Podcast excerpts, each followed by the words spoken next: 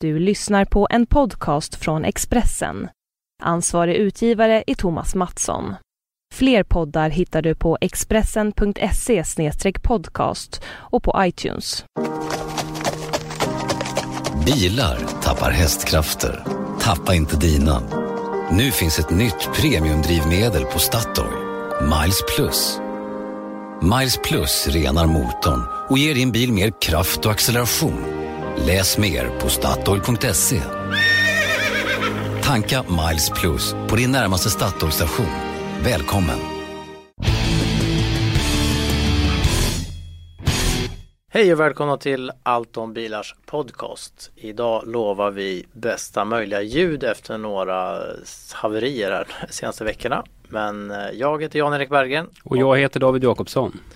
Du, jag har ju lyssnat på lite så podcast från USA om baseball och NFL och där är det mycket coolare inledningar framförallt. Så vi får liksom ta i lite när vi presenterar. Okej, okay, coolare inledningar. Podcast och sånt. Liksom. Ja men det är det amerikanska. är det coolt det? ja, kanske coolt. Ja, vi får försöka.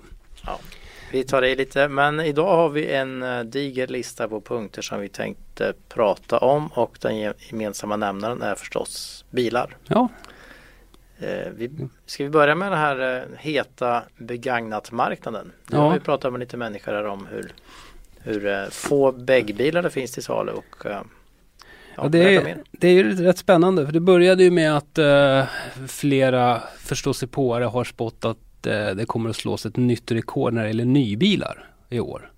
Jag tror att det gamla var väl 80-talet någon gång, var det 88 eller?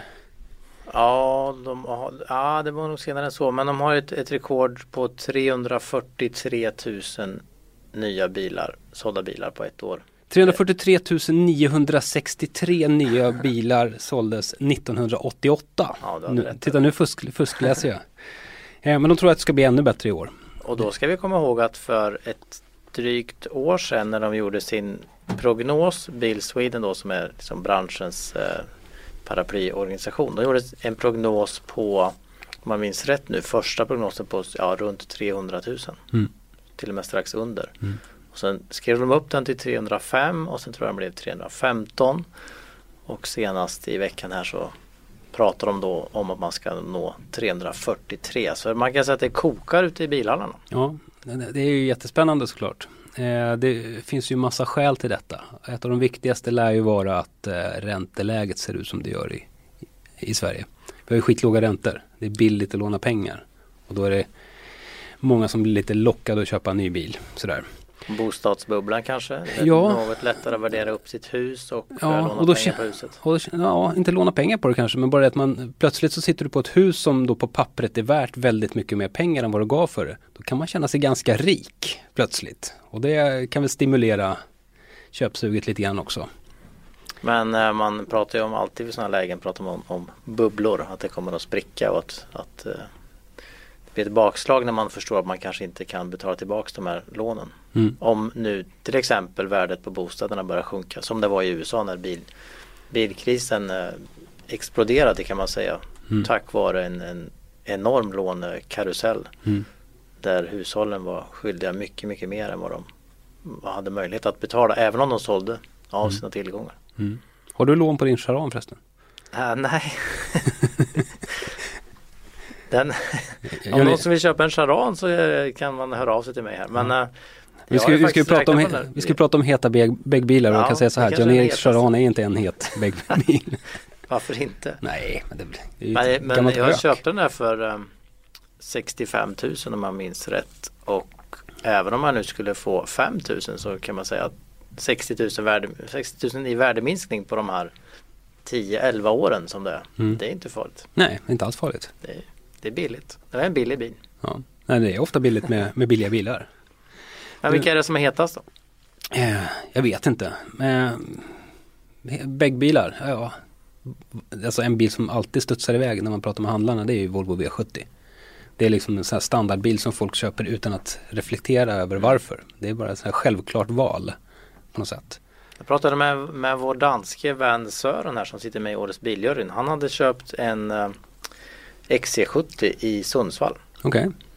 En, eh, bil som inte hade gått så långt och så han gav sig iväg och Och flög upp till Stockholm, åkte buss tror jag till Sundsvall och sen körde de bil hem. Mm. Ja. Det här är ju bilar som eh, är ju väldigt dyra att köpa nya i Danmark. Mm. Så att det, jag förstår att de köper dem begagnade i Sverige. Det är en bra affär. Ja. Sen fick jag höra på av Folkvagn här som ju ja, hoppas lite grann på ett eget personligt rekord. Just det. Ehm, och de, eh, de sa ju att deras Alltrack och fyrhjulsdrivna bilar går jättesnabbt Mm. ut. Eh, alltså begagnade. Finns Mm. det en begagnad Alltrack Mm. av någon, något slag så bara Studsar den iväg. studsar den iväg ut Ja. igen. Och fyrhjulsdrift. Mm. Men det intressanta med nybilsförsäljningen också, det, det får ju som följdeffekt att, att begagnatförsäljningen också eh, snurrar på. Eh, Jo, det, det skjuter ju neråt liksom i, i Ja. näringskedjan. Alltså en, en ny bil genererar Mm. en tre år, fyra år gammal bil som Mm. ska säljas som någon köper och så vidare. Och så vidare. Mm. så trillar det neråt. Jag pratade lite grann med, eh, med MRF och jag pratade med Bil Sweden också om det här. Det, det är många handlare som säger att de aldrig någonsin har upplevt en större efterfrågan på begagnade bilar. Det sitter en massa bilhandlare ute som har tömda lager på bäggbilar och skriker efter bilar att sälja. En god vän till mig som är en märkesoberoende handlare han sliter också sitt hår. Det finns liksom inga bilar att köpa in. Nej, det där är roligt på ett sätt för att vissa av de här stora handlarna de, de har ju under de tuffa åren då ville ju inte de ha begagnat. Nej. De ville inte hålla på med det för det var ingen, inga pengar i det. Nej, och då de ville ha nyare grejer i hallarna som de kunde tjäna mer pengar på. Och då har de, har de jobbat tillsammans sin med egen bäggbilsdel. Ja, de har ju fortfarande bytt in bilarna men då har de jobbat tillsammans med upphandlare. Ja. Med alltså mindre firmor som, som köper upp det, det gamla böset som de får, får inbyte och sådär. Och som säljer det vidare på Blocket och, och, och så vidare. Men alltså det händer lite roliga grejer nu tycker jag på begagnatsgrejen. Att det, det är massa bilhandlare som nu sitter och ringer runt till eh, leasingkunder. Och ber att de ska byta in sina leasingbilar tidigare, alltså innan leasingavtalet går ut. Eh, för att de vill ha tag på deras bilar för att kunna sälja begagnat. det, det håller de Det på bra. med. sen. Och Det det, är är bra bra för, det är bra för alla. Sådär. Då sitter man med ett 36 månaders kontrakt och så ringer någon efter 28 månader och säger men du ska inte ta en ny bil nu istället då? Det kostar bara en hundring extra i månaden. Då blir de ju jätteglada såklart. Samtidigt som det står kunder och hoppar och vill ha deras friska härliga nästan nya bäggbilar. Man säger också att, att för tre år sedan var det ett hyfsat bra nybilsår. Mm. Och de, de bilarna byts ut nu om det är tjänstebilar eller leasingkontrakt. Så, här. så det, det är ju en stor grupp bilköpare som vill köpa nytt också. Och det är väl det som Mm. hjälper till. Mm. Men, är det, men den här teknik, det är ju ett jätteteknikskifte får man ju lov att säga också. Ja. Att man kan ju verkligen om man har då en vad ska jag säga, 10 år gammal bil. Om man då köper en 3 år gammal bil så kommer man ju ner i förbrukning och man får ju en betydligt säkrare bil. ja. Alltså man generaliserar. Ja. ja. Det finns det ju såklart jättebra 10 år gamla bilar också men, Mm. men uh, framförallt tror jag förbrukningen. Ja.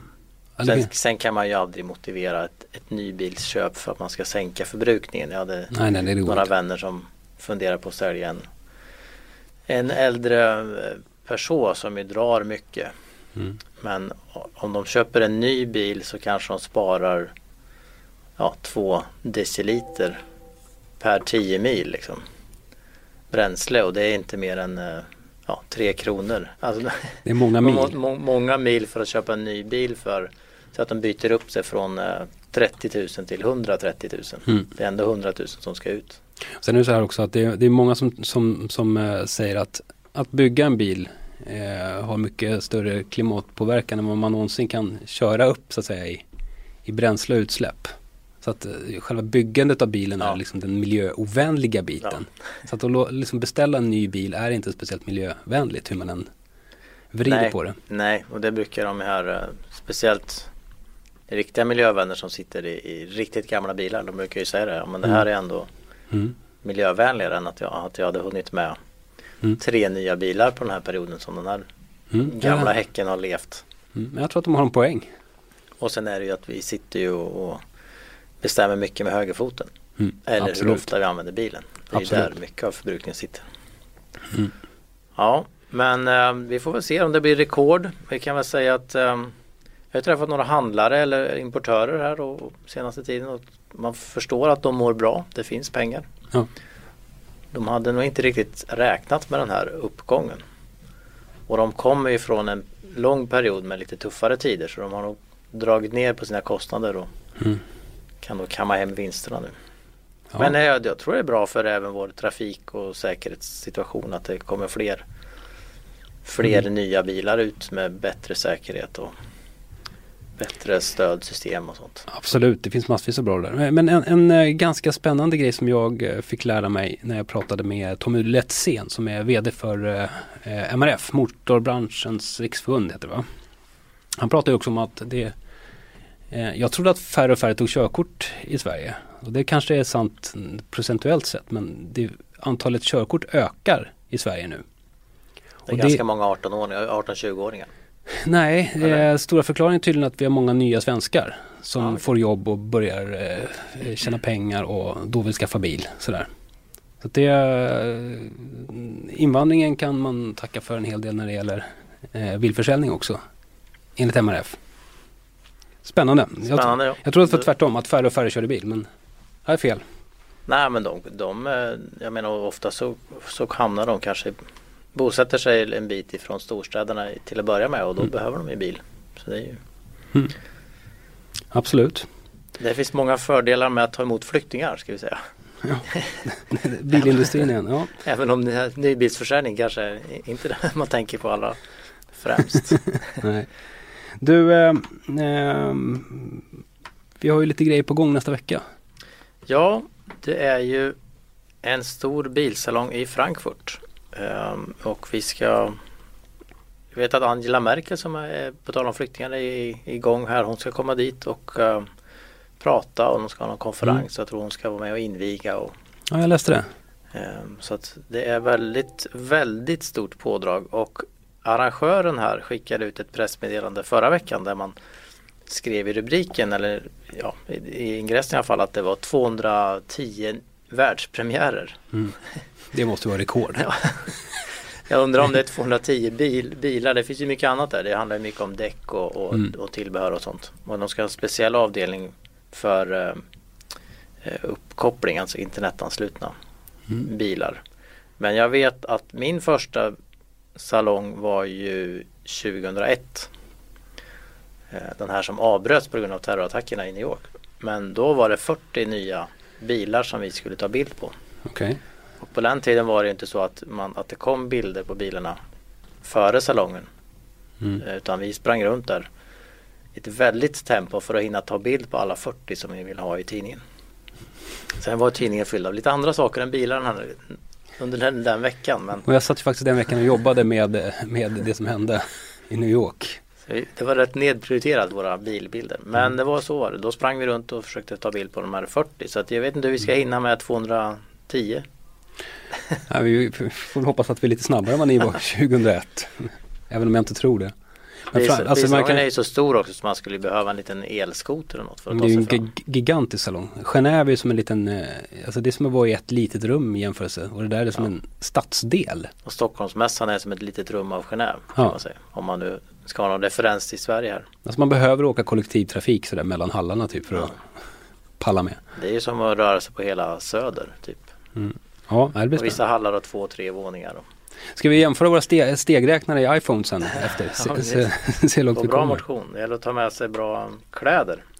Va, vad ser du fram emot för bilar där då? Ja, jag har gjort en liten bilar vi ska lista prata om. som eh, väl finns. När ni lyssnar på det här så finns den på vår sajt. Och eh, jag, jag tror jag hamnade på 15 så ni förstår att det här är ett väldigt eh, begränsat urval. Men jag försökte nog där lista de, de viktiga ja, både för den svenska marknaden och för de olika märkena. Mm. Eller om det är någon viktig ny teknik. Och den är väl inte så, eh, vi kan väl dra igenom här. Jag, jag började med Opel Astra. Mm. Som är en ohy- ohyggligt viktig bil för Opel. Mm. Och eh, jag tror en storsäljare i Sverige också. Det är en jättesnygg bil. Det kom Den ju bilder Astra. nu på kombiversionen. Jag har ju varit och sett halvkombin. Det har de Ja. visat för oss. Precis, så vi har kört en tidig variant av den. Men vi har inte sett kombin förrän nu på Mm. bild.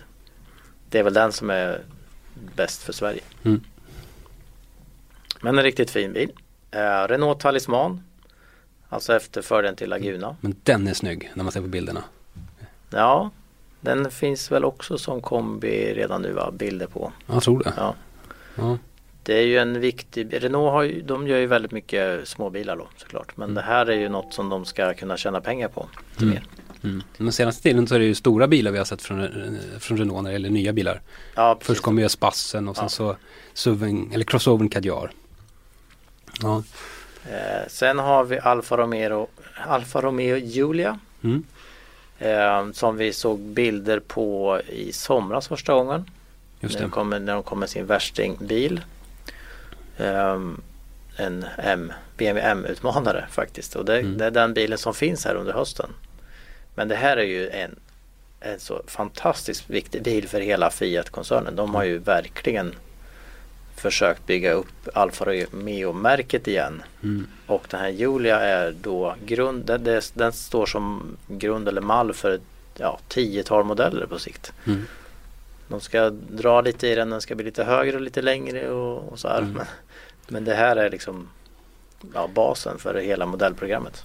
För eh, Fiat Chrysler-chefen eh, Mark Jone, det är ju en riktig prestigegrej. För han har ju liksom i ett stort antal sammanhang pratat om att han är missnöjd med hur det här varumärket har misshandlats och så. Och verkligen gjort det till sin pryl. Ja, fast han har ju, han har ju ändå försökt själv tidigare. Han, har ju, han är ju den som är ansvarig för, Ja. För de misslyckande försöken också kan man säga. Men nu är det väl, de har sagt förr, nu eller aldrig. Men Det talar han i och för sig lite tystare om, sina egna misslyckanden ja, tror ja, jag. jo, Men ja, det blir spännande att se om de lyckas med den blir ju fantastiskt viktig. Sen har vi Jaguar F-Pace, alltså deras eh, SUV. SUV. Ja. För, för en Jaguar SUV är ju lite så här trendbrott. Mm. Nu har de ju eh, i koncernen då, Land Rover och Range Rover. Så visst kan de bygga snygga SUVar och bra SUVar. Och det där med vad en SUV gör för ett varumärke har ju Porsche för länge sedan bevisat att, att det funkar. Det var Ja, massa herregud. skrik och gnäll. Så här, ska Porsche bygga en SUV? Det var ju helgerån, men det funkar ju. Så det funkar med Jaguar också tror jag. Ja, vi har sett bilder på den. Jag tycker den ser rätt fräck och snygg ut. Ja, den ser väl Inte så där vulgär som Bentley till exempel. Som, att den är ju skitful, den här Bentayga. den har ju fått alla möjliga glåpord slängda efter sig redan. Men den ska vara den snabbaste va? Ja. Man går ut med att det ska 301 km i timmen. vara den snabbaste. En fet V12 va? Ja. Ja, men jag tycker, jag tycker om Jaguar. Alltså jag kan, det är klart att de, de har inte gått över gränsen till det vul- vulgära på något sätt. Men jag tycker att den kanske skulle kunna sticka ut lite mer. Ja. Nu har jag, har jag bara sett den på bild men, men eh, det jag har sett, ja lite mesigt tycker jag nog. Sen har jag listat upp, eller skrivit om BMW 7-serie. Mm. BMW brukar ju liksom börja lite uppifrån för att visa vad de, vart de ska med resten av modellprogrammet. Och eh, jag tycker det ska bli spännande att se vad de har gjort med eh, inredning och instrumentering och Mm. gränssnitt mot föraren. Verkligen. Eh, det här är ju den här bilen där man får med en liten eh, typ läsplatta som man ska kunna parkera den. Gå ur bilen och parkera den med hjälp av den. Ja, det har jag alltid saknat. Nej men de har ju lite att svara upp mot sen Mercedes kom med sin nya S-klass. Ja, Ett drygt år sedan. och det var mycket finesser. Var, fick man egen touchpad i baksätet. Va? Man kan styra massa grejer. Ja, den är ju, jag vet en kollega till oss har kört den och tycker att den är jätteskön att köra. Mm. Såklart. Men framförallt tror jag gränssnittet mot föraren ska bli spännande att se vad, hur de har tänkt sig. Om de vågar, vågar något där. Mm. Sen har vi Audi E-tron Quattro. Mm. Det är en konceptbil och det andra här är ju pro- produktionsklara bilar. Men det här är då Tesla-konkurrenten. Mm. Och det är ju lite spännande. Det pratas om räckvidd på 50 mil va? På batterierna. Eh, var det så mycket? Eller var det 30-40 mil någonting? Ehm, ja. Men den ska vara klar först, uh, var det 2018 eller? 17 kanske. Mm. Så visas oklart. 2017. Ja. Men det är spännande att se att då etablerade märken går samma väg som Tesla. Eh, ja, De har ju, ju kritik då. Inte minst från Tesla-vännerna som tycker att de här Audi, BMW, Mercedes bara är bakåtsträvar och inte, inte, inte vill se framåt och, och se el som någon eh, bra källa, kraftkälla. Nu är vi tillbaka på det här eh, Tesla-snacket. Då får vi Ja. pisk på Twitter igen. Ja. Nej men det blir kul att se. Vad, det blir jätteroligt att se. hur, om det, och vilken typ av batterier och om de har kommit något längre där. Liksom. Mm. Är de, hur stora är de? Hur mycket väger de? Mm. Eh, ja, så har vi Megane Mm. som man räknar med, Renault Megane alltså, som man räknar med ska, ska liksom följa efter Clio lite grann och bli lite sportigare. Och det här är en viktig bil för Renault volymmässigt. De kanske inte tjänar lika mycket pengar som på till exempel Talisman eller Espace. Men i antal bilar så är det här viktigt under hela, ja, hela, hela året. Liksom. Mm. Nästa år, alltså kommande åren. Det är ju en jätteviktig bil för Renault. Där hoppas man att de har eh, lyft säkerhetsnivån lite. Ja, det borde de väl ha gjort. Det har inte varit eh, det bästa hos Megane riktigt. Men det har de väl säkert gjort. Eh, Sen har vi Audi A4. Mm. Som ju då är en väldigt populär bil i Sverige som ligger väl runt, eh, runt topp 10 där va? Ja, jag tror det. 10-15 på försäljningslistan. Framförallt har den här blivit lättare. Den har fått kritik för att den inte har blivit så mycket eh, snyggare. Eller de har inte ändrat utseende så mycket. Ja, du, det kan vi skriva under på. Så att eh, vi ska ju träffa lite Audi-människor där. Vi har Mm. väl intervju bokade med utvecklingschefen Mm. och även som det verkar sen igår så ska vi få göra en tv-intervju med VD Just det. eh, Stadler. Och då får vi väl fråga dem varför de inte vågar mer designmässigt. Mm. Nej, Vad, heter han? Hackenberg, va? utvecklingschefen? Japp. Ja, det blir jättespännande. Mer bilar då? Vad Mer? BMW X1 X1. kommer också eh, ny och då byter man plattform och går över till den här eh, framhjulsdrivna plattformen från Active. Mm. Så den, den, går, den är inte bakhjulsdriven deras. Det är väl samma plattform Plattform. som Mini också? Ja, precis. Mm. Eh, De har ändrat lite grann och den är lite högre och lite bättre innerutrymmen och så. Kanske lite snyggare får man hoppas. Och det är lite mindre motorer i och med att de byter plattform. Mm. Kommer en trecylindrig i X1 då? Jag vet inte än det. Den raka sexan ska tydligen försvinna. Om det, Mm. Nu är det kanske inte det som jättemånga som köpte den i Sverige. Men Kia Sportage Mm. är ju en eh, jätteframgång för Kia. Mm. En eh, ja, relativt dyr bil i deras värld som säljer jättebra i hela världen. Och då här ska de då komma med nästa generation. Mm. Den har vi också sett bilder på. Fjärde generationen va? Tror man räknat rätt här.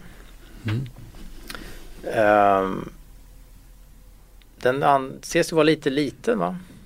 Innerutrymmen om man får se om de har De har ökat på bagageutrymmet och lite längre mm, Längre hjulbas. Mm. Men framförallt sägs det att man satsar på mindre Att minska bullret. Mm. Lite bättre komfort. Mm. Nissan Navara är ju cool. Det är en pickup. Det gillar vi ju. Det kommer en ny pickup från Nissan. Är det som var King Cab. Mm. Bytte namn till Navara och eh, de har ju hunnit med Så här blir tolfte generationen. Ja, det är ju en ikon i pickupvärlden, måste man ju säga. De har minskat bränsleförbrukningen och trimmat upp motorn lite grann. Annars såg den väl ganska lik ut va? Ja, tycker jag.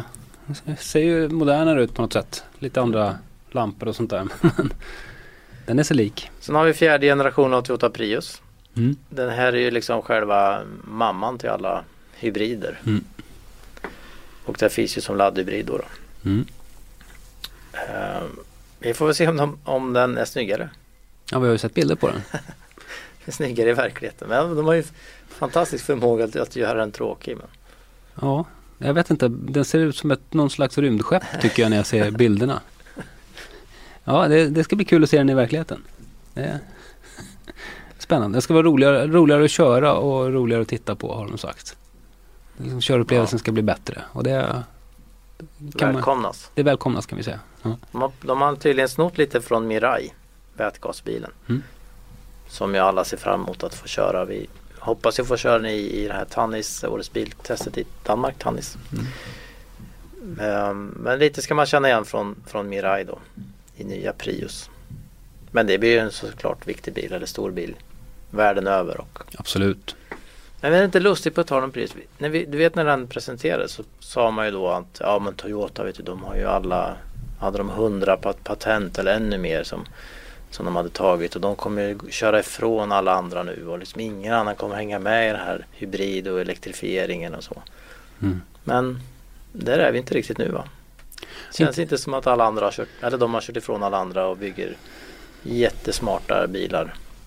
Nej. Känns som eh, att alla andra har kommit ifatt och nästan kört förbi dem istället. nej, jag vet inte. Det känns som att eh, Ja, det känns Ja, som man pratade ju om när det här började med hybrider att de hade ju sån enorm dominans och de tjänade så mycket pengar på varje såld bil och de hade ju så sagt Gjorde alla de det? tekniska på ja det gjorde de nog. i Ja, början. alltså inte, inte i hybrider men alltså de var ju mest lönsamma företaget länge Mm. totalt sett. Eh, om vi pratar 07, 06, 07 där. Mm. Och ingen skulle kunna hinna ifatt teknikmässigt och de var ju så duktiga. Mm. Men nu står vi här, nu är det liksom märken som Tesla som kommer först med den här räckvidden och Audi ligger tidigt framme. Vätgasbilen är de ju inte först med även om de, den här Mirai är väl en relativt billig bil Mm. som drivs med vätgas och det har ju funnits andra men som är så mycket, mycket dyrare. Kommer en ny vätgasmack i Stockholm nu förresten? Ja, det ska väl byggas i alla fall tre inom något år nu. Nu är det väl Arlanda som blir först tror jag. Ja. dem. Precis. Mm. Det finns i Malmö. Mm. Så det, det kommer kanske någon mer i Stockholm. Det, men det finns ju ganska mycket krafter för att bygga det, ut det här snabbt. Mm.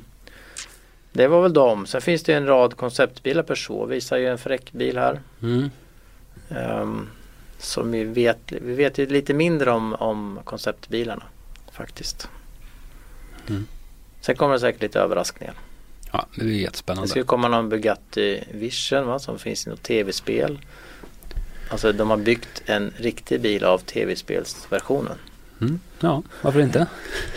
Det ska komma en helt ny serie Bugattisar så det här är väl sista liksom, Sista rycket sa vi redan förra Genèvesalongen att det var den sista nya Bugatti men nu ska de gjort en liten specialvariant där. Porsche 911 får vi väl se va? Nya. Just det, eller uppdaterade. Ja. Uppdaterade. Den kom, kom ju med turbomotorer till Carrera-bilarna. Både Carrera och Carrera S får ju turbomotorer istället för Mm. de gamla submotorerna. Och Bentley och lite annat. Den fantastiska Bentayga. Men jag var, Bentayga, jag ska inte bara snacka skit om den bilen. För när jag tittade på inredningen då var den faktiskt betydligt eh, mer smakfull än vad jag hade förväntat mig. Rolls Royce va? Visst kommer de visa upp sin? Som vi fick bilder på förra veckan. Vad är det för något? Jag kommer, jag kommer inte ihåg namnet på den nu men det kommer lite bilder på en ny. Ja. Men det som, det, det som händer då nästa vecka att vill ni hänga med här så, så ska ni väl kolla in på vår sajt. Vi Mm. reser ner på måndag och det drar igång redan, redan måndag eftermiddag Mm. där vi ska se Kia Sportage till att börja med. Just det. Nu ska vi dela på oss lite. Du ska gå på folkvagn. Just det, de har ju ett even, evenemang som de kallar för Group Night. Volkswagen Group Night. Och där visar de upp alla nyheter från eh, hela koncernen eh, under en kväll. Och det, det kommer finnas mycket att berätta därifrån. Ja. Och du ska titta på, Mercedes slutar det åt just på måndagskvällen. Ja. Dela på oss lite där. Så vi, det är alltid bra att se, se många bilar redan måndag kväll för då Mm. har man några färre att gå runt och titta på på, på tisdagen. precis. Sen har vi då en hel rad med intervjuer på, på tisdag olika och sen är det då alla presskonferenser Mm. som är varje kvart börjar en ny presskonferens från åtta på morgonen till eh, tre på eftermiddagen tror jag. Ja, Fyra. våra stegräknare kommer att blinka rött. Är. Utmaningen är att när en presskonferens är slut då vill man ju titta på bilen men då börjar en, en annan direkt Mm. och det är en halv så här två kilometer bort. Då ska man lägga till detta att man också ska hinna skriva någonting. Och gärna fotografera emellan. Ja, det blir spännande. Men som sagt vi ska försöka uppdatera vår sajt eh, med både rörliga bilder och eh, bokstäver och, och stillbilder. Mm. Och vi ska nog försöka göra en liten specialpodd nästa vecka i, i, ifrån Frankfurt. Mm. Vi kanske gör fler om andan faller på också. Ja. Det kommer finnas mycket att avhandla där. Sen kan vi väl avslöja att på tisdag kväll kommer jag se en, en, eh, den nya Bondbilen. Det är coolt. Det är bra. Det kommer en ny James Bond-film här, Spectre. Premiär i november. Och då ska de ha någon visning av, av eh, den häftiga Jaguaren där som är med i den filmen. En Jaguar. Ja, jag tror det ska vara en Jaguar. Ja. Det är tur att det inte var för, för förra filmen. Då var det en Ford Mondeo. Men Volvo var med. Eh, nej men det blir kul. Det är mycket sådana här kul saker också såklart. Så vi ska Ja. ha lite eh, häftiga nyheter att berätta om. Mm. På tal om film ja. Fast and Furious. 7 har vi haft en tävling om här på vår sajt. Att man kunde få både DVD-film och uh, affisch. Ja. Och vi kommer ha en ny tävling här. I, när ni lyssnar på det här så finns det nog på vår sajt där man kan vinna hel, en hel box med alla sju filmerna. Och en signerad affisch. Vem har är det du som har signerat? Nej, det är inte jag. Det kanske är han eh, Diesel-killen. Ja, tufft. Men, Men du, du, den här... du har inte sett sjuan? Nej, jag har inte gjort det. Har du det? Jag har sett sjuan. Berätta, hur är den? Berätta. Det har, vi, vår webbredaktör var ganska kritisk här, Alexander. Han tyckte att det var en, eh, för enkel och uh, ologisk uh, plott. Alltså det handlar om, ja, de jagar en, en liten uh, teknisk pryl, typ en hårddisk. Där det finns massa viktig information och den har då sålts i ett läge och sen har de monterats in i en bil av någon anledning. Och Okay. det är någonstans ledsnade Alexander. För han tyckte att varför ska man montera in det i en bil liksom. Så. Faktiskt i en om jag minns rätt nu i en Bugatti.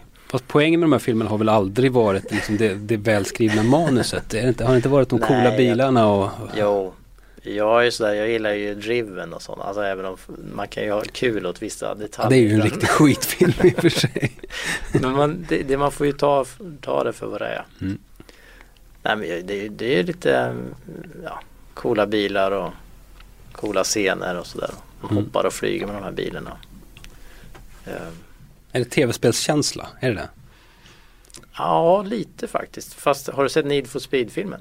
Ja. Den är ju när de kör Koenigsegg-bilar på slutet där. Den tyckte jag faktiskt var helt okej. Ja. Framförallt gillade jag hur de hade, hur de hade liksom flörtat med tv-spelet. Hur de fått in samma grafik Mm. på ett väldigt liksom, enkelt och snyggt och smart sätt. Så det var så wow, ja så kan man göra. Liksom. Det är klart att det finns pengar att tjäna på att ha igenkänning mellan spelet och filmen. men det var ju Mm. Men det ändå funkade om man inte, hade, inte kände igen det från, från tv-spelet så tyckte jag att ändå att det funkade. Mm. Det kändes inte konstigt liksom att det dök upp en liten ja, pratbubbla typ med, som det gör i tv-spelet där man kan välja saker. Nej, det låter ju lite konstigt när man pratar om det så. Men nej, det, jag nej. tyckte faktiskt, när man såg det, jag tyckte jag var liksom imponerad att det här hade de gjort, och inte så överdrivet vulgärt och så konstigt utan smart liksom. Ja. Nej men det är ju en actionfilm, det är ju som det är. Liksom. Hur sen, sen var de, vi får ju säga det, Paul Walker dog ju under inspelningen. En av huvudrollsinnehavaren. Mm. Innehavarna där. Och, och um, vi ska inte avslöja för mycket men de det hade de löst riktigt bra tyckte jag i filmen. Schysst, jag kanske ska se på den då. Ja, men man för just det satt man ju så här, ja undrar hur de gör nu då? Hur ska de liksom bära sig åt med honom här? Mm. För han dog ju, vad jag uppfattade då i alla fall ganska tidigt i filminspelningen. Jag kommer inte ihåg exakt nu men, men jag vet att det var så här, ja, ska vi, ska vi verkligen göra klart den här filmen och hur ska det gå nu och så. Mm. Så bestämde man sig för att ja, vi gör klart den. Ja, ja. Får vi se om det blir en uppföljare, om det blir nummer åtta också. Det är en, det är en jättesuccé världen över. De säljer bra många biobiljetter och filmer om den här. Mm. ja, jag kanske ska ta med mig den och se den någon kväll i Frankfurt då. Vi kan ju ha, vi hade ju tv-spel när vi var i Tannis förra året. Så kan vi ha film, film på kvällarna här. Nej, vi kommer inte hinna Nej, vi kommer inte in. Det är lite läskigt. Jaha, eh, tv-spelsbilar och låtsasbilar. Ska vi prata lite om riktiga bilar också? BMW 8. Ja, du har ju varit ute och kört en verklighetens tv-spelsbil. Ja, ja det är verk- alltså vilken eh, effekt den har på folk. Alla vill se den, titta på den, titta in i den, ta Mm. bild på den, Mm. peka på den. Mm. Ja, jag, när kom den? Var det ett år sedan? Ett och ett halvt år sedan? Ja, det var förra våren tror jag jag körde den första gången i Stockholm och parkerade vid eh, Drottningholms slott. Jag vet inte varför, jag skulle gå ut och handla något på Pressbyrån tror jag. Men eh, efter ja, en minut så stod det 8-10 japanska turister runt hela bilen och alla fotade den här bilen. Jag tog en bild på de här turisterna som fotade bilen. Men vart man kommer den här bilen så är det folk som stannar och tittar och plåtar och har sig.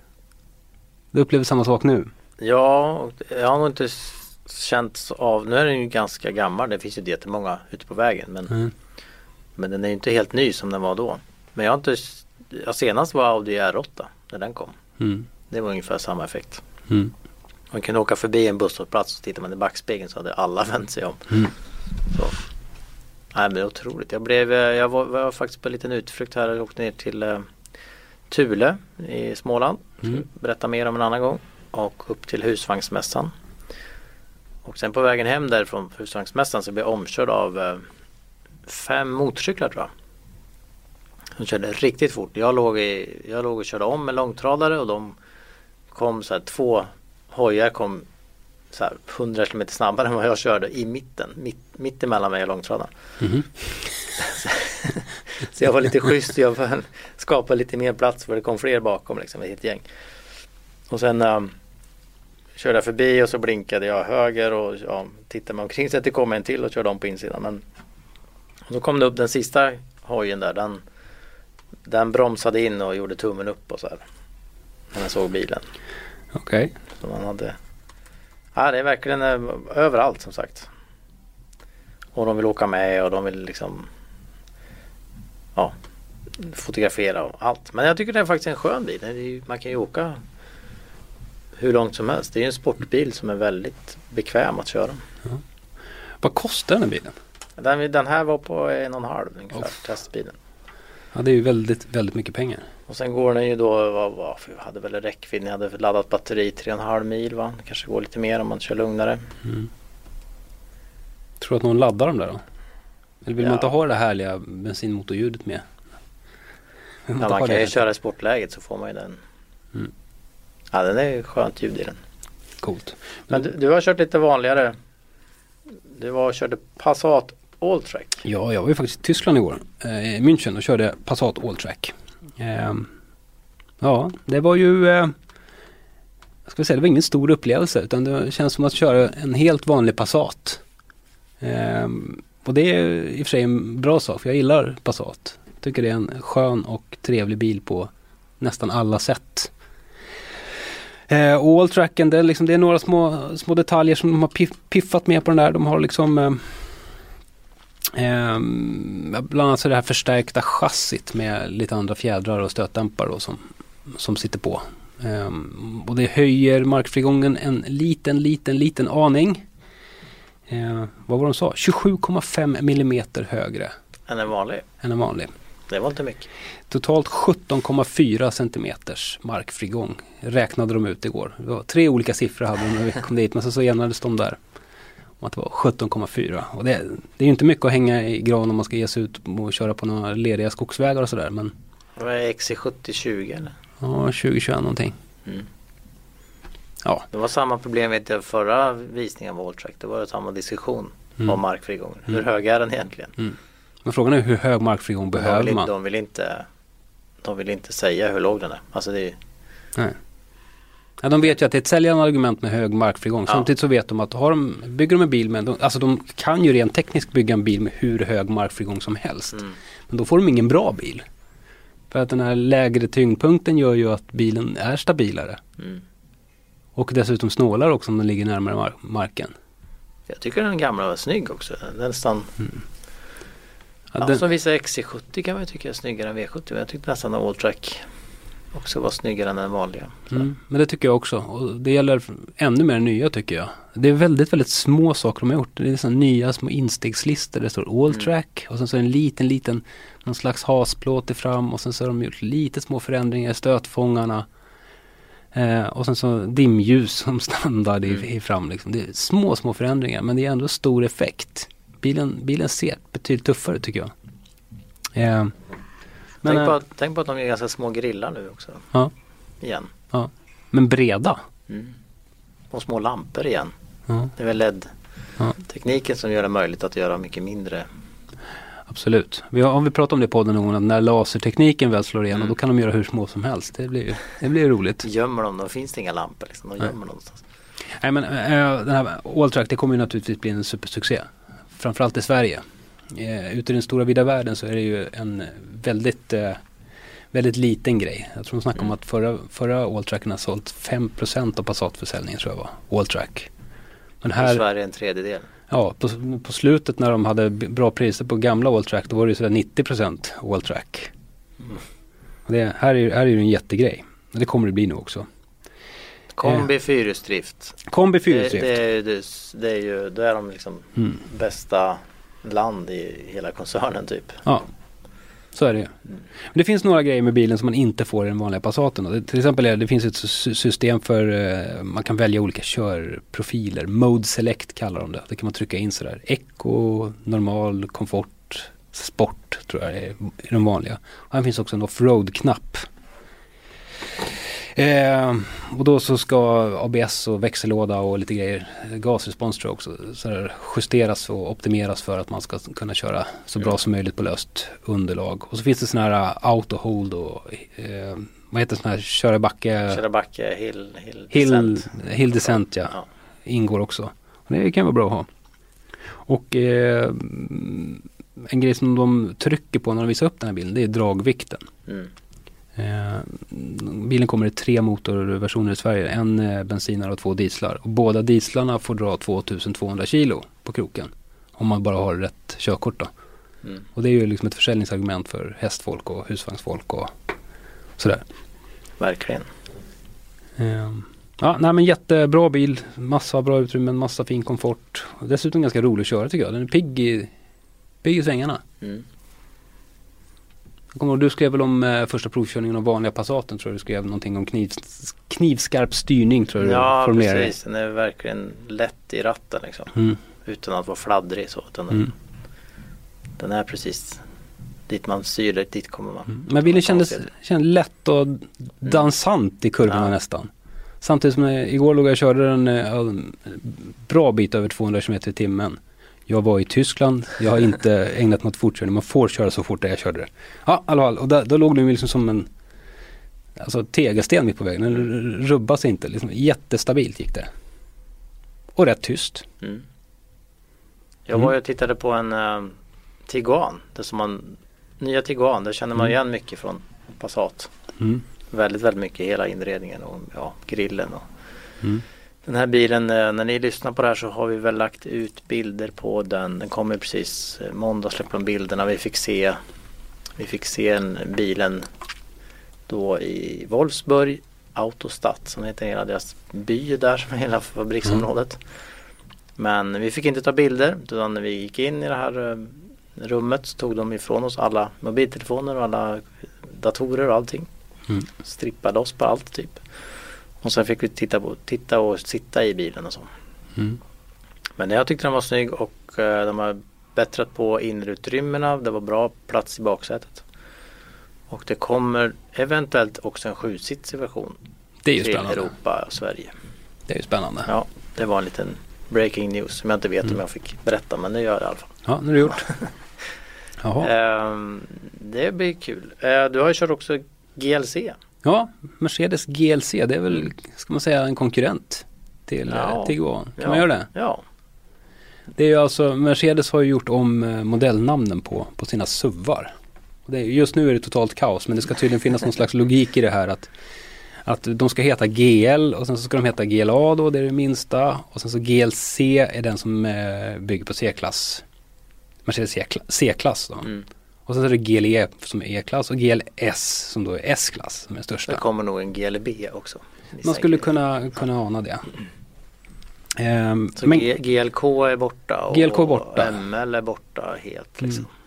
G, alltså GLK är ju då eh, föregångaren till den som jag nu har kört. Mm. GLC. Ehm, och vilket jättelyft de har gjort här, tycker jag. Ja, Alltså jag den körde ju GLE Coupé. Ja. Den var jättefin bil att köra. Fantastiskt fin. Ja, den här, alltså jag varit helt eh, mållös inför den här för att GLK när den kom, då, det, var ju en kantig, ganska ful, tråkig bil som man inte ens åkte speciellt bra i, tycker jag. Kommer- Nej, de hade liksom lite konstig, alltså de hade, man märkte att de hade sparat in. För Ja. man hade ju då kört liksom E-klass och S-klassbilar Mm. och ja, fina C-klassbilar. Så Mm. kom man in i de här då på den tiden A och B och klass och sen GLK. Man märkte att det här är ju sparat, det här är ju snålt liksom. Mm. Det var rack, rackligt, eller det kanske inte var men det var dåliga stolar och, och Mm. konstiga knappar och liksom avskalat. Ja. Men det, så är det inte nu. Nej, nej. Nu känner man igen allt hela tiden. Ja, det finns en linje i det. Och det är väl bra, alltså, de börjar väl med modellbeteckningar, det måste ju finnas någon slags logik i det. Mm. Och det måste finnas någon slags logik i en Mercedes-inredning och i en exteriör design måste man ju, det måste finnas en logik i de olika modellerna sådär Mm. också. Det har de ju haltat lite med men, Ja, ja, det är visst. De har ju sett så konstiga ut vissa. Mm. men jag, må, jag mådde jättebra i den här GLCn. Mm. Det, Men var det inte lite för liten då bak eller? alltså, Bagageutrymmet? Jo, det kan man ju tycka. Men det beror i och för sig på vad man ska ha den till. Alltså, jag, jag har ju, min bestämda uppfattning är att de flesta åker runt med alldeles för stora bagageutrymmen. Alltså man behöver inte lasta 650 liter varje dag liksom. Köpa takbox. Ja, takbox funkar ju. Den här bilen hade dessutom ut, utfällbar dragkrok så du kan ta en Mm. släpvagn om du verkligen skulle knipa. Nej, men, eh, det var rätt okej med, med plats i, i baksätet och det funkar ändå för att packa in en familj Mm. och ha med sig eh, eh, semesterpackningen i bakluckan om man nu skulle vara på det humöret. Barnvagn. Ja, Går det in, det går in. Får in. Mm. Sen är ju lasthöjden är ju lite högre naturligtvis eftersom det är en SUV och det så man kommer nog få, man kommer nog repa sönder sin um, bakre kofångare med den där barnvagnen när man irriterad slänger upp den där någon dag sådär. Men, eh, men bilen gick fantastiskt bra. Uh, pigg och alert i kurvorna. Eh, konstigt pigg nästan tycker jag. Och, Jag tyckte på GLE QP var också, de har ju också sådana här körlägen. mm, Och då var det väldigt Det var skillnad liksom på komfort och Mm. sport. mm, Den blev ju väldigt sportig. mm, Det har man ju saknat tidigare. De har haft sina körprogram och ja, det kan man ställa in. Men det, man märker ingen skillnad nästan man kör. Men nu, mm. nu verkar de verkligen gå åt ytterligheterna. Ja, jo men så är det ju. bra. Så är det ju. Men eh, GLC, det, det är det enda jag hade emot den. Det är när den var inställd på normalläge. Då tyckte jag att den var för mjuk. Den var sådär riktigt så här gammelsuvsgungig nästan när jag åkte. Men då finns det, fanns det en inställning där att man kunde gå in och, och g- göra sin individuella setup på bilen Ja, så att säga. Så då tog jag, gubbe som jag är, så tog jag liksom så här komfortläget på, på allting. Men på fjädringen så valde jag sportläget för att få en lite styvare, Mm. styvare känsla i bilen. Och då var det kanon att åka i. Kan man eh, kan den minnas där? Ja, du har ju din individuella som Ja. du ställer in liksom. Så att nästa gång jag hoppar in så kan man bara trycka att det här vill jag ha. Ja, nästa gång du hoppar in så har du det bara där. Ja, ja men om, det har, om man är två för, alltså om, man, om min fru Jaha, vill flera olika ha, om, individuella. man, om frun vill ha liksom något annat. Ja, Liksom. du får nog köra på fruns då. Det, Ja, ja, precis. det är så. Ja, nej men det var kul att köra GLC. Ja, men det går bra för Mercedes nu. Shit, ska vi, vi får berömma vår svenska försäljningschef där, Ola Källenius igen. Han får mycket beröm i den här podden. Mm. Får se om jag träffar honom då på måndagskvällen. Ja. Annars är min anledning lite att man går på Mercedes där att kunna se ifall kanske Lewis Hamilton eller någon dyker upp. Ja, det är därför jag får gå på Volkswagen och du får gå dit. Ja, fast, fast på Volkswagen Group Night, då har de redan lovat att vi kommer att bli bjudna på currywurst. Ja, precis. I, i tomatsås. Ja, Ja. någon slags är currytomatsås. Ja. Och så slabbar man ner skjortan och så är Ja. det kört. ja, men det är det värt.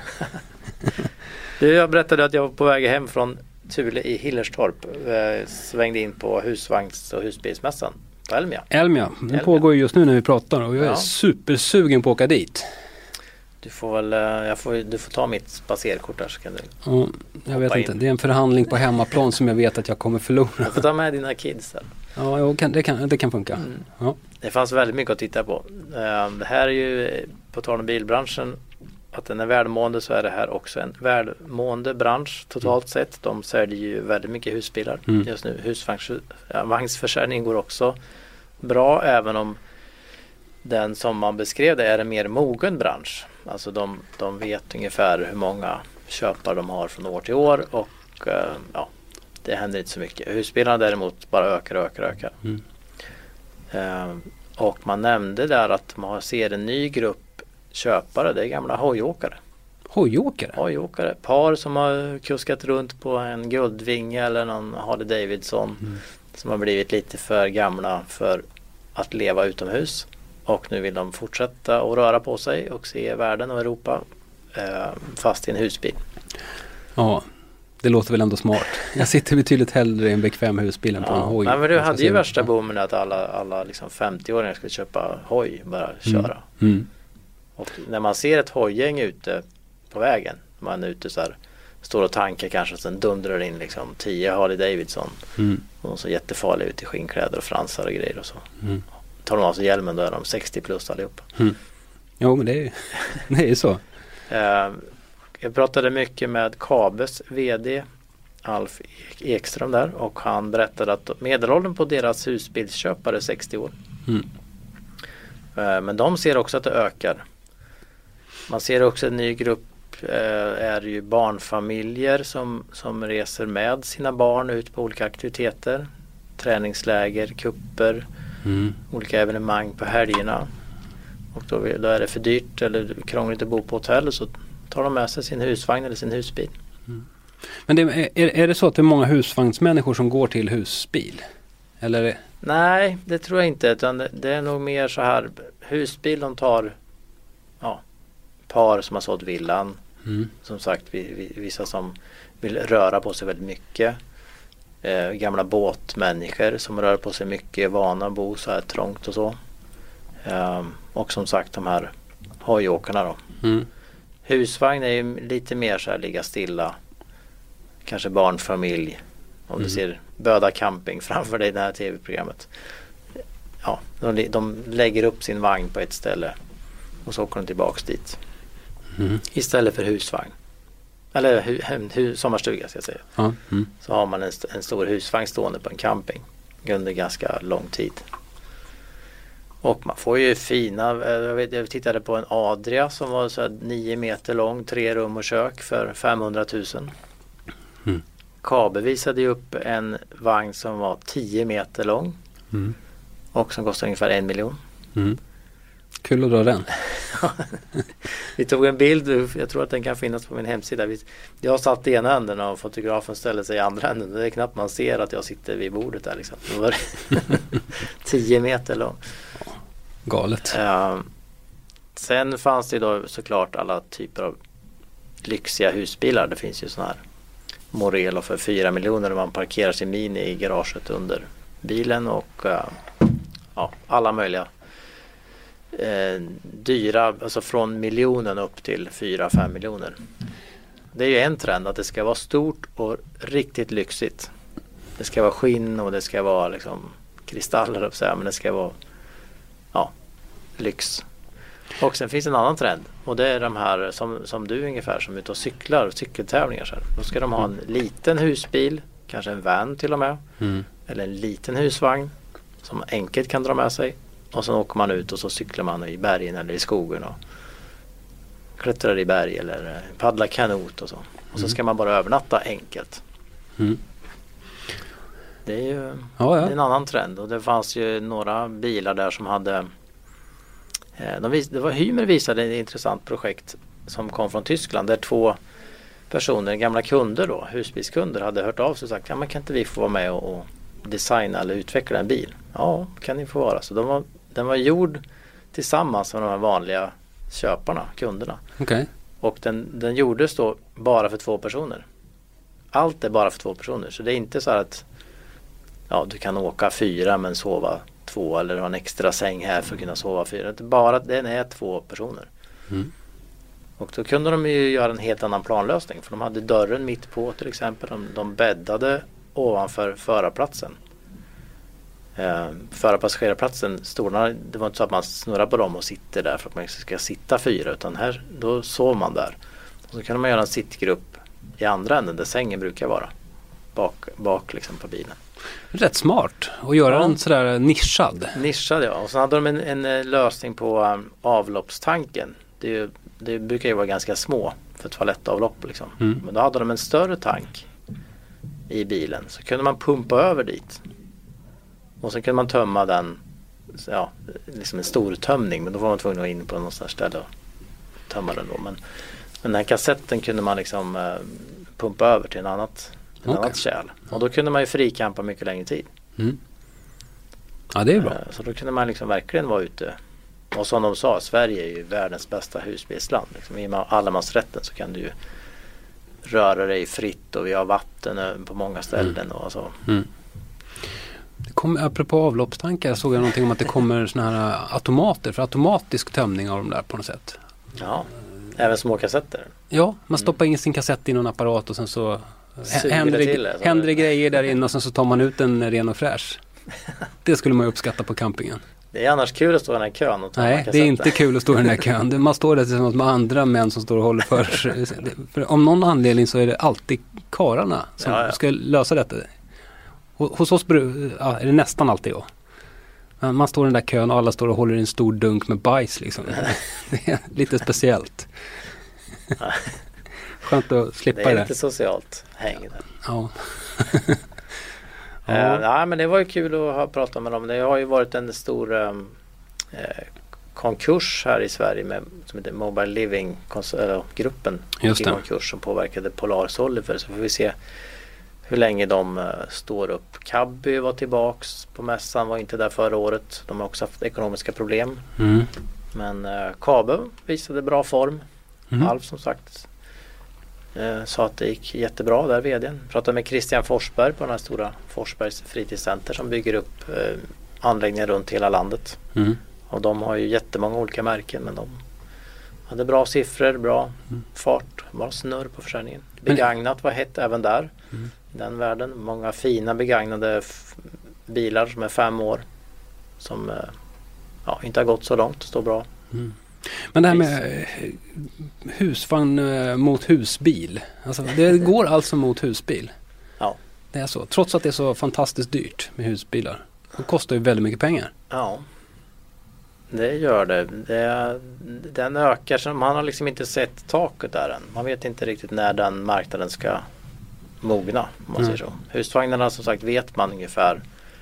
Ja, vi får ta så här och så här många nya, så här så många 30-40-åringar med barn kommer att köpa husvagn och de kommer att ha den så här länge och så. Men, Mm. men de andra husbilarna liksom, det blir fler och fler och fler olika typer och hitta nya användningsområden. Och, Mm. det har ju sina för och nackdelar båda, båda två. Liksom. Men Mm. vill man röra sig mycket då är ju husbilen ganska bra. Mm. Jo, det är det. Sen är det ju det här, du har en bil till, det ska besiktas, det ska Mm. liksom funka, det är bromsar, alltså det, det, är en, Mm. det är en maskin till liksom. Sen tycker jag den här grejen när man Alltså när jag är ute med husvagnen så brukar jag vara ganska nöjd över att jag är ute med just min husvagn och inte en husbil. Man kommer någonstans och så, så ställer man upp sin, sin vagn och sen så Kanske man smackar ut en markis eller Ja. ett bord eller någonting. Och sen så kom vi på att nej men ungarna, det är kamelridning här borta på Öland eller det, man ska göra någonting. Nej men då hoppar vi bara in i bilen Ja. och åker dit. Ja. Nej men det är ju, De bredvid med husbilen får packa in alltihopa igen liksom. nej, men med barn så är, ju, är det ju svårare med husbil. Mm. Det vore ju lättare om det var du och din fru bara som För då gjorde ju ni det ni ska göra på dagen och sen Mm. låg ni ju stilla när ni kom fram. Liksom. Ja, Lite, lite grann åt det hållet ja, och sen, sen så är det ju ekonomin. Man får ju så fantastiskt mycket större utrymmen i husvagnen jämfört mot husbilen. Ja. Per krona. Och det, ja. Men, men den här Duomobil som den hette då från Hymer, den var ju som en husvagn inuti. Man såg ju liksom inte förarplatsen. Nej. Så det fanns ju människor, de berättade i, montern, det fanns ju människor som hoppade in i den här. Och sen när de stod där inne, ja men det är en husvagn. Så var de tvungna att gå ut, ja men det är ju en bil, det står ju en, hy- det är ju en hytta. Mm. Kul. de- gick de tillbaka, ja men det är en husvagn där inne. Du, du, pratas det någonting om säkerheten i husbilar? De här Ja, det var några som hade lite krock, alltså, som hade skrivit så här, ja men det här är krocktestad men det är ju själva, det är mycket själva eh, ja, fronten eller hytten som Mm. är lite krocktestad och det finns airbags nu för både förare och passagerare och sånt. Men det är inte så mycket resten, alltså själva bygget bakom dig Nej. är ju inte riktigt eh, Det- helt eh, säkrat. Det är väl någonting man kanske ska tänka lite på att om man, om man då smäller med en hel integrerad husbil och då får du liksom en köksinredning i nacken. Ja. Det kan ju bli skitdåligt. Nej, det är inte helt bra. Det är, fortfarande finns det väl vissa tveksamheter runt eh, placer- alltså hur, hur de sitter, de här som sitter bakom, Mm. bak i soffan. Mm. Det är inte alltid de bältena är jätteförankrade och, och eh, det är kanske lite klena fåtöljer och stolar de sitter på så. Mm. Ja, men jag tror att det blir bättre. Det kan man ju efterlysa faktiskt. Det borde ju vara lite, lite mer krocktester av de här och så.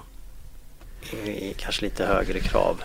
Eh, Det är ju lite hemmabygge fortfarande. Ja, det är lite, ja, man blir lite, lite tveksam när man ser vissa, vissa bilar Ja, faktiskt. Eh, ja. Men det är väl att re- rekommendera om ni inte har varit på en husvagnsmässa så kan ni åka till Elmia. Det får vi se nästa år då när det publiceras är väl slut för i år. Mm. Men eh, det brukar vara september varje år. Det är också en stor mässa uppe i Norrland, Nolia. Just det. Har du varit där någon? Nej, jag har inte varit där. Det är ju Det är väl då de a- för- visar sina nyheter allra första gången. Mm. Och sen kommer den ner till, till Småland. Mm. Men det är också en väldigt stor försäljning. De säljer mycket bilar och vagnar här i, i Jönköping. Och tillbehör kan jag tänka mig. Ja. Så att ehm, nu när vi var där så var det för press och in, speciellt inbjudan. Så många hade bjudit in sina mest trogna kunder som fick se nya saker. Och, ja, det såldes ju. Det var många orderböcker framme där. Mm. Så de, det, är ju, det är inte bara en mässa där man tittar på saker utan man, man köper också. Ja, Det gör man inte i Frankfurt va? Jag har inte sett några, några handlare som handlar kanske där och beställer. Ja, men jag tror nog att det säljs en hel del bilar. Framförallt de här exklusiva eh, bilarna. Det är likadant i Genève. Att um, om vissa Koenigsegg upp sin bil där eller Ferrari visar upp någon ny bil. Nog tecknas det ordrar. Ja. Det tror jag. Sen så kanske folk inte kommer liksom att köpa så många Tiguaner eller sådär. Nej. Ja. Eller Bondbilar. Eller Bondbilar. Mm. Ja, då får vi väl eh, höras igen ifrån Frankfurt va? Nästa gång från Frankfurt. Kul. Direktsändning kan det bli. Så får vi tacka för oss idag. Det gör vi. Tack så mycket. Tack, hej! Bilar tappar hästkrafter. Tappa inte dina. Nu finns ett nytt premiumdrivmedel på Statoil. Miles Plus. Miles Plus renar motorn och ger din bil mer kraft och acceleration. Läs mer på Statoil.se. Tanka Miles Plus på din närmaste Statoilstation. Välkommen!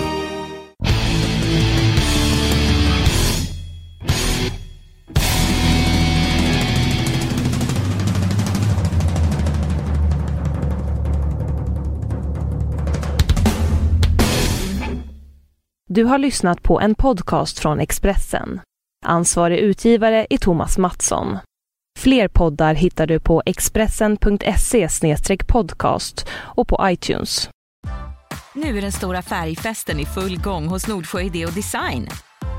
Du får 30% rabatt på all färg och olja från Nordsjö. Vad du än har på gång där hemma så hjälper vi dig att förverkliga ditt projekt. Välkommen in till din lokala butik.